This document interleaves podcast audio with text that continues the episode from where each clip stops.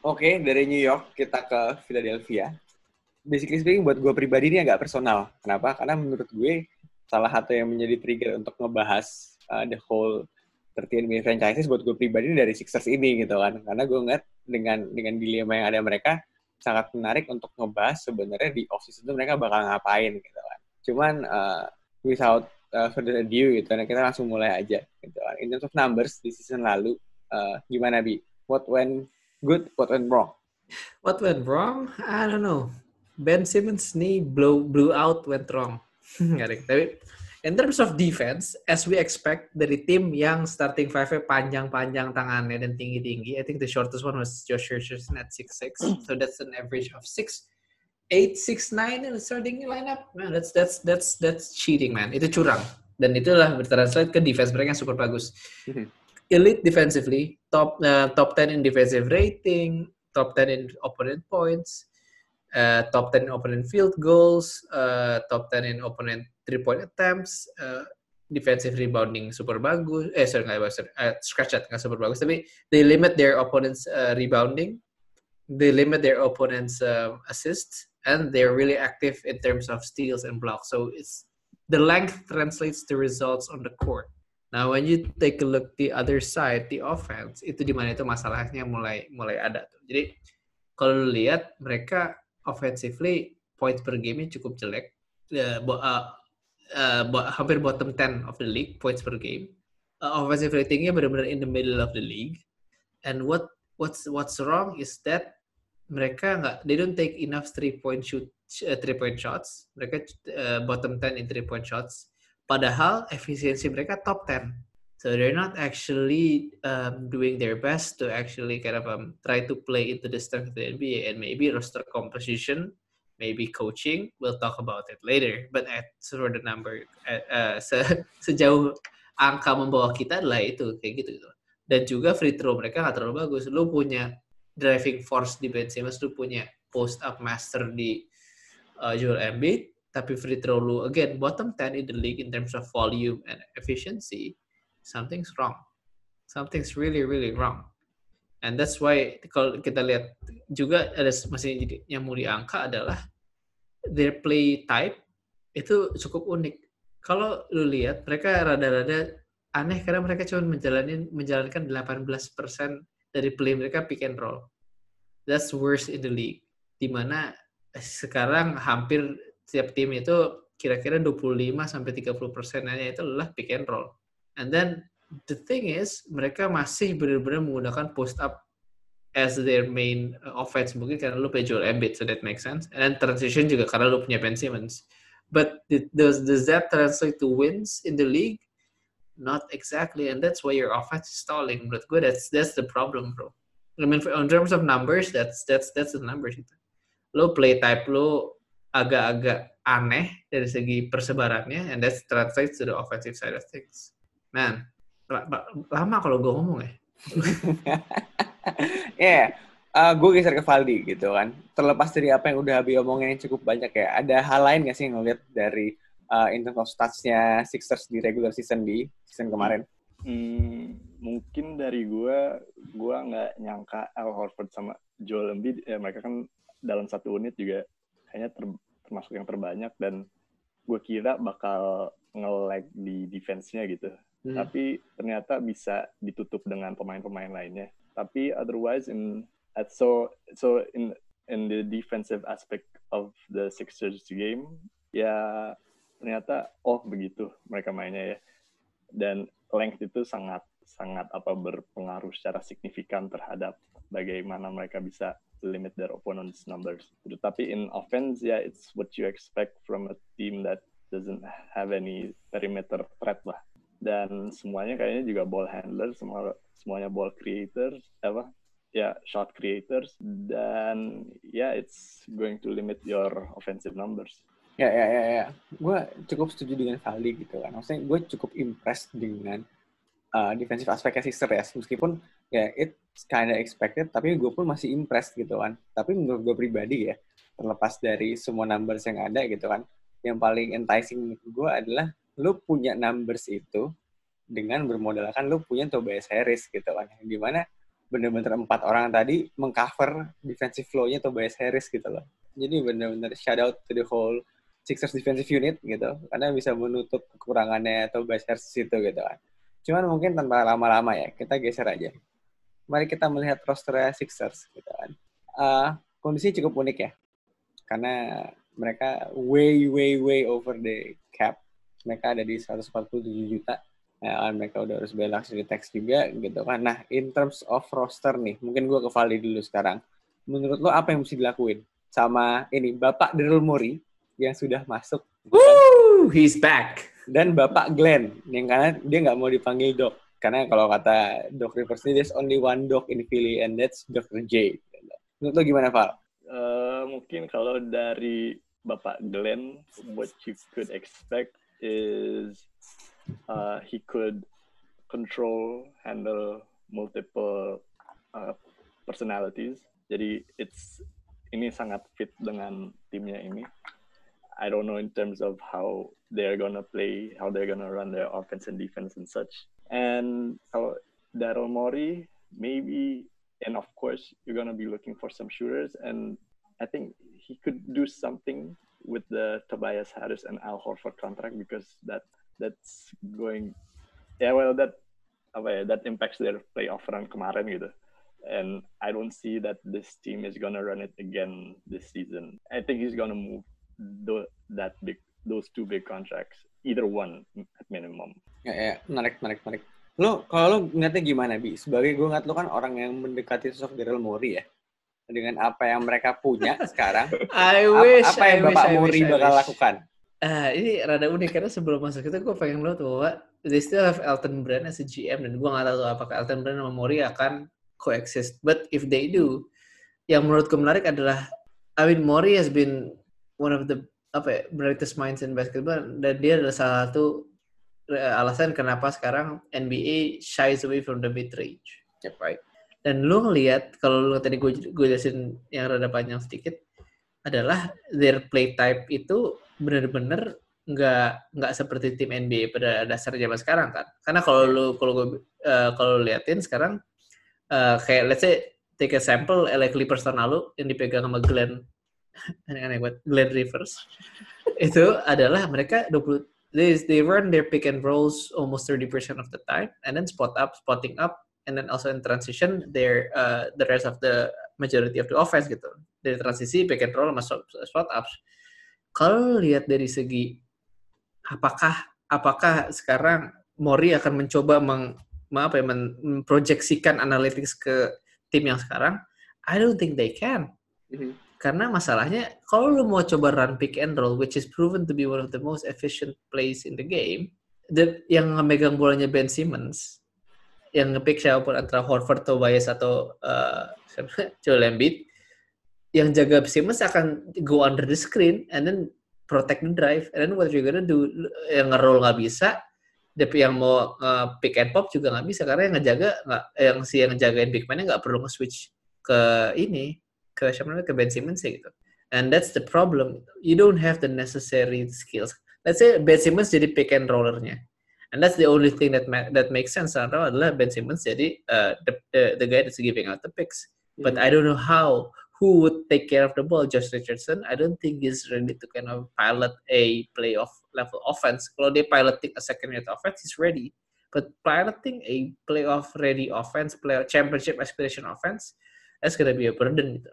And that's where I think we, ini segue yang pas juga menurut gue untuk ke ke berikutnya gitu. What moves are they gonna make now? Mhm.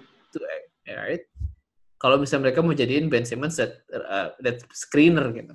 That's gonna be lucu sih tapi. Ben Simmons jadi yang ngasih pick, oh, that's gonna be unique, man. Ya, ya, ya, karena ini kembali ke hipotesa awal gue ya dari dari beberapa waktu yang lalu gitu kan. Karena dengan apa yang Celtics lagi Sixers punya sekarang gitu kan, bener-bener ya lock jam gak sih? Maksudnya tadi uh, kalau nggak salah Valdi juga sempat mention gitu. Basically Tobias Harris, Joel Embiid, uh, Ben Simmons tanpa perlu nyebut Josh Richardson ya. They need the ball to run the offense gitu loh. They are not uh, good uh, off the ball offensive players gitu kan. Yang di mana uh, in terms of Joel Embiid sama Simmons yang menarik adalah ya basically lo emang harus kasih bola ke mereka kan. yang di mana kayak itu nggak bisa didebatin gitu loh. Jadi akhirnya adalah role Tobias Harris ini nanggung gitu kan. Dan kalau misalnya kita uh, dig deep into the numbers gitu kan, kan Tobias datang dengan kontrak yang sangat besar dan akan terus bertambah sampai dengan tahun 2024 gitu kan. Tapi uh, playing style dia sangat limited gitu loh. Ya, kan. jadi kalau misalkan gue jadi Daryl Morey, suspek pertama untuk dipindahin Tobias gitu karena kontrak terbesar gitu kan dan juga dari sisi permainan yang menurut gue di out one out justru dia gitu loh. Karena wait, gue, wait, wait, wait, wait, Matt. Hmm? Why, why would you ship Tobias? Karena as I mean the the the numbers say bahwa masalah lu tuh bukan di Tobias, masalah lu adalah di Horford sama Embiid nggak bisa coexist. Mm -hmm. Dan why okay. would you ship out Tobias? Gitu? Karena menurut gue pribadi gitu ya kan, uh, agak nyambung dengan yang kenapa uh, Embiid sama Horford agak sulit main bareng ya. Mm -hmm. Meskipun gue tau lo punya punya argumen untuk itu gitu kan yang di mana ya gue juga setuju dengan argumen lo itu lah. Cuman the main idea adalah ada alasan kenapa Horford dan Embiid agak susah main bareng. Ya kan yang di mana dua-duanya ternyata lebih suka main di dalam bandingin kalau harus stretch keluar. Dan untuk kasus Embiid ya he is rightfully untuk demand kalau misalkan dia harus main di dalam instead of harus stretch the floor untuk siapa pun itu mau itu Tobias mau itu Josh Richardson or even Ben Simmons even gitu ya kan cuman hmm. gue hmm. ngeliat dengan Tobias Harris sendiri he made living out of playing as a mid range scorer ya kan maksud gue adalah yeah, yeah, yeah. yang di mana kalau misalkan ya udah jelas piece lo itu ada di Ben Simmons sama uh, Joel Embiid gitu kan maksudnya let's put aside uh, secara kontrak yang di mana emang Tobias itu paling gede kalau ada orang yang nanya gitu kan, uh, dua pemain terbesar di Sixers siapa sih gitu kan? Pasti yang dijawab adalah Joel Embiid dan Ben Simmons, bener nggak? Kan? Iya, iya, yeah, Dan in terms of uh, age wise gitu kan, ya mereka lebih muda sedikit sih gitu kan. Tobias juga baru 28 tahun gitu. Tapi emang yang maksud gue adalah, gue melihat Tobias ini adalah bisa dibilang terlepas dari kontrak yang sangat besar. Sebenarnya dia bisa dibilang bukan apa ya, bukan piece yang sangat penting gitu loh untuk di rosternya Sixers sendiri. Expendable menurut gue. Tambah lagi juga kontraknya super besar gitu kan. Tambah lagi kan ini ada Bapak Daryl Morey ya, yang akan menghelmi ini semua gitu. Jadi menurut gue salah satu prioritasnya bakal di situ gitu kan. Meskipun ya lu untuk mencari trade partner untuk Tobias rasanya bakal sulit nggak sih? Eh, that's why Q the next anjing enggak lah. Nanti. Another power forward to the collection. Makanya kalau bisa mereka trade buat itu, mungkin bisa mereka bikin line up bisa power forward semua tuh. Tapi next sudah dibahas di general sih, jadi jangan deh. Gak bisa habis nanti. Tapi gue, I mean, just kind of uh, entertaining the idea of trading someone ya, as opposed to try to make this work, okay? I would trade L Horford sih first ya. I don't know why. Karena maksud gue, Al Horford lives in the elbow, right? Dan dia yeah. Is a really good facilitator atau distributor from that elbow area. Dan maksud gue adalah kalau lu lihat ininya Doc Rivers ya, let's say from his uh, Clippers era dari zaman Lob City. City, and then dari zaman apa namanya itu dari zaman Ubuntu uh, Celtics. Lob City lah. Ubuntu, eh, Lob City dulu, Lob City dulu. Yeah. Lob City dia prefer big man yang bisa crash to the to the to the rim kan. Yeah. To the paint, right? And I think that's where Joel Embiid is, one of the one of the harusnya bisa digunakan seperti I don't think he wants that. That's why I think Doc Rivers must must be able to change his mind bahwa Embiid you need to crash and roll to the to the rim as opposed to cuma nyari uh, spot up switch eh post up uh, and switches and all that stuff. Basically itu yang gue pengen gitu jadi justru si Doc Rivers mencoba dulu dan kalau misalnya mencoba dulu mencoba dulu dan lu trade Al Horford karena Al Horford nggak nggak di tim yang pernah dipegang Doc Rivers nggak pernah ada role kayak Al Horford gitu dan I would just trade him out karena Tobias is uh, is actually a really dependable ini so dependable spot up shooter kalau dia mau gitu. dan again if you can change those two guys' mind then then you have to actually yeah you actually have a chance to uh, incorporate Daryl Morey's numbers into the into the floor itu. If you take out Al Horford from the equation, kalau gue ya. Tapi itu that's a big if sih. Karena again convincing Joel Embiid who is a super mega diva is gonna be really hard sih. I don't know. Maybe that's why they bring in Doc Rivers juga sih. If yeah, he yeah, can yeah. if he can put together one of the biggest egos ever in Rondo, Garnett, Paul Pierce, Murray Allen, uh, Kendrick Perkins. Look at those guys right now. Yang paling anteng cuman Ray Allen doang, sama Tony Allen dan kawan-kawan. I think he can actually make make this work sih harusnya ya in terms of kayak personality wise and kind of convincing these guys to actually change their game. But yeah, I'd, I'd still I'd still ship Al Horford dulu. Ya, menarik, menarik, menarik. Valdi, ada yang mau ditambahin? Enggak, enggak, entar. Gue, wait, I refresh that question. Valdi, lu mendingan ship out Tobias Harris atau Al Horford? Lu penengah sekarang. lu penentu. Jadi sekarang milih dua rebuan gitu. Hmm. Oh, ya harus. Ya, tadi gue kepikiran gini malah soalnya tadi lu bin ngangkat kalau untuk main pick and roll sebagai apa salah satu play type yang sekarang sering dimainin dan tim ini nggak bisa diajak untuk main pick and roll atau pick and pop gitu. Apa mungkin Ben Simmons-nya yang bisa yang harus perlu dipindahin? Karena kalau misalnya Joel Embiid ya he plays in the post and kadang kalau gue lihat dia underperform it's basically because he doesn't really want it. Kan seringnya gitu masalah motivasi lah. Cuman kalau Ben Simmons kayak maybe he's hit the ceiling or something. Tapi in for the sake of the question, ya I'll trade Al Horford.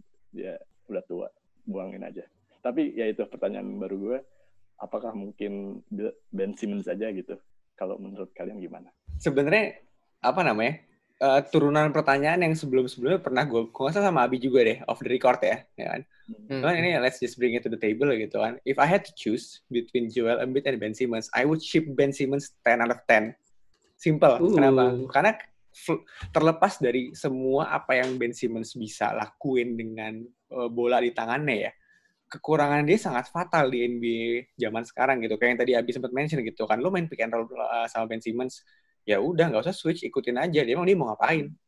Ngambil tris, tawain, biarin aja kan, nggak mungkin kan. Jadi kayak uh, lu Embiid as an offensive player uh, cukup lengkap gitu kan. Maksudnya lu uh, dia bisa jadi uh, kalau misalkan dia main di pick gitu kan dia bisa jadi roll crash ke dalam atau dia juga pop juga. Yang di mana that within itself uh, bagi defender yang menjaga Embiid harus mikirkan ini orang bakal masuk ke dalam atau bakal pop hmm. keluar gitu kan. Permasalahannya Ben Simmons itu tadi terlepas dari semua apa pun yang bisa dilakukan gitu kan. Gaya mainnya to some level ketebak gitu loh. Yang di mana dengan offensive style di NBA sekarang yang sebenarnya sudah lebih mengotak gitu kan. Cuman variasi dari uh, satu satu gerakan yang di mana ada dua opsi kira-kira yang akan membuat bingung defender adalah opsi mana yang bakal dipilih. Sementara kalau hmm. misalnya itu Simon sampai pegang opsi dia cuma satu gitu loh. Dia pasti akan crash in ke dalam.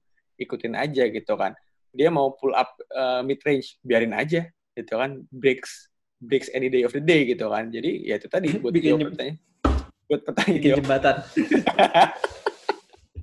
buat jawaban buat ngejawab pertanyaannya Valdi gitu kan if I had to choose gitu kan ya I'd ship Ben Simmons gitu kan every day of the day simple gitu gimana bi? Right. I mean solid reasoning tapi kalau gue dari mata GM from what you said what would I get in return kalau gue ship out Ben Simmons tuh kalau misalnya in the league he has no place to play gitu loh ngerti nggak? Kalau misalnya memang secara skema di liga dia gak terima, I would get minimal returns kan.